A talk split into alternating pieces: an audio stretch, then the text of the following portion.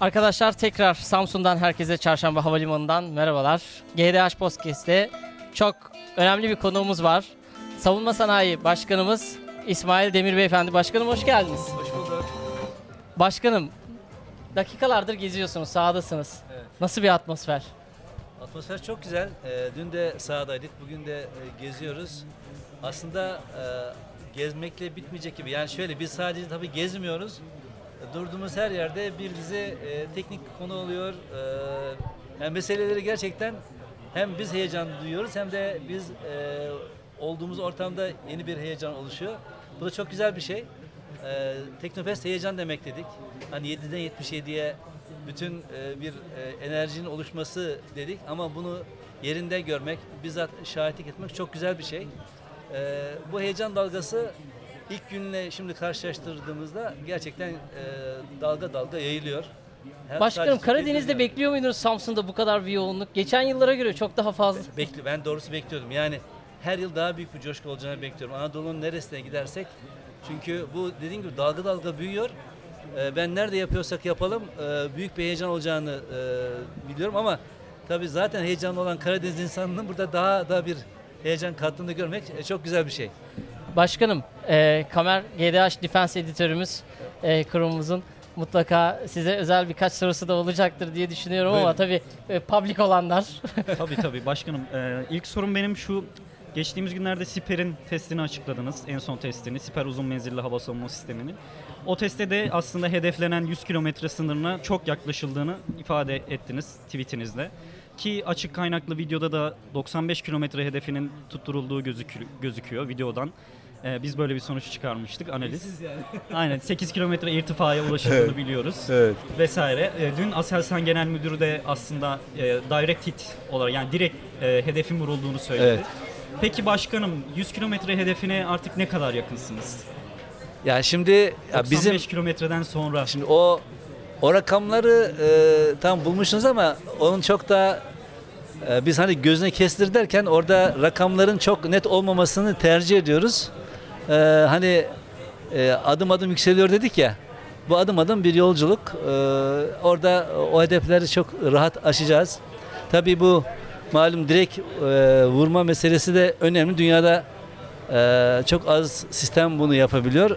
Bizim tabii hedefimiz yani sistemin hedefi direkt e, yani vurma değil e, yakında parçalanma ama onu daha kolaylıkla yapabileceğimizi gördük.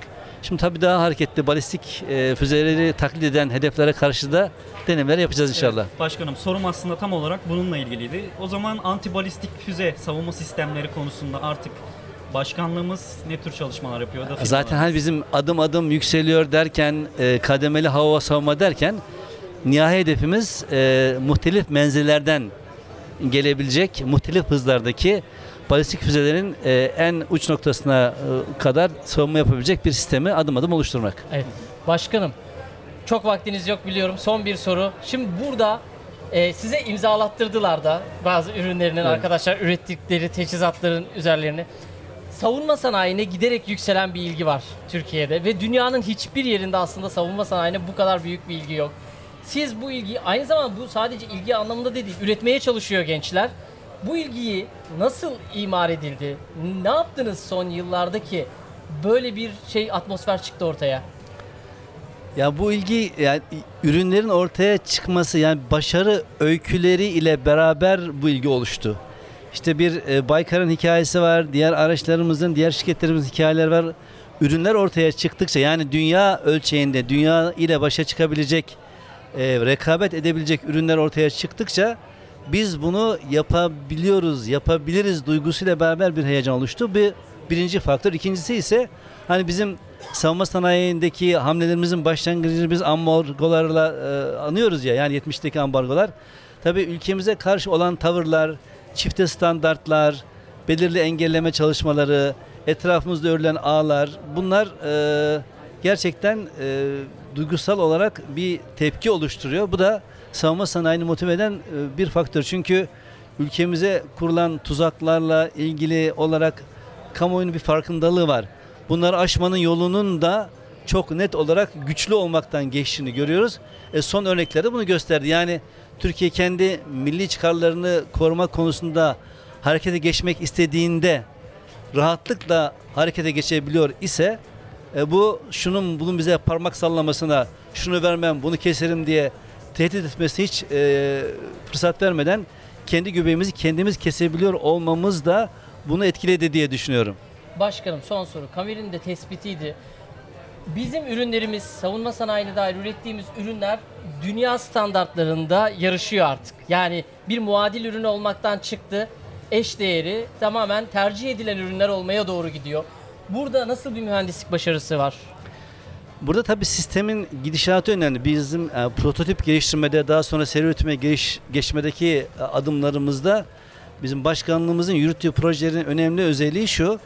e, gerçekten e, çok yoğun ve kesif bir e, test ve kalifikasyon sürecinden geçirmeden ürünleri vermiyoruz. Ama yine de ürünlerin olgunlaşma sürecini de yakından takip ediyoruz. Ürün teslim edildiğinde de geri bildirimlerle ürünümüzü e, mükemmelleştirme ile ilgili sürekli çalışıyoruz. Bugün işte SİHA'lardan konuştuğumuzda ilk çıkan e, kullanılan SİHA ile bugünkü SİHA arasında onlarca değişiklik var. İlk kara aracımıza bugün kullanılan kara araçlar arasında e, mühimmatlarımızda şu anda kullanılan mühimmatlar arasında çok önemli değişiklikler yapıldı. Bu da kullanımla beraber kullanıcıyla beraber çalışmanın getirdiği bir avantaj. Başkanım teşekkür ediyoruz bütün emekleriniz için. Size iyi gezintiler diliyoruz. Farklı yayınlarınız var, koşturmanız var biliyoruz. Çok teşekkürler Ben teşekkür standımızı ederim. ziyaret ettiğiniz için. İyi günler efendim. Sağ olun, teşekkürler. Arkadaşlar bir başka podcast'te görüşmek üzere. Hoşçakalın. Evet. Sağ olun.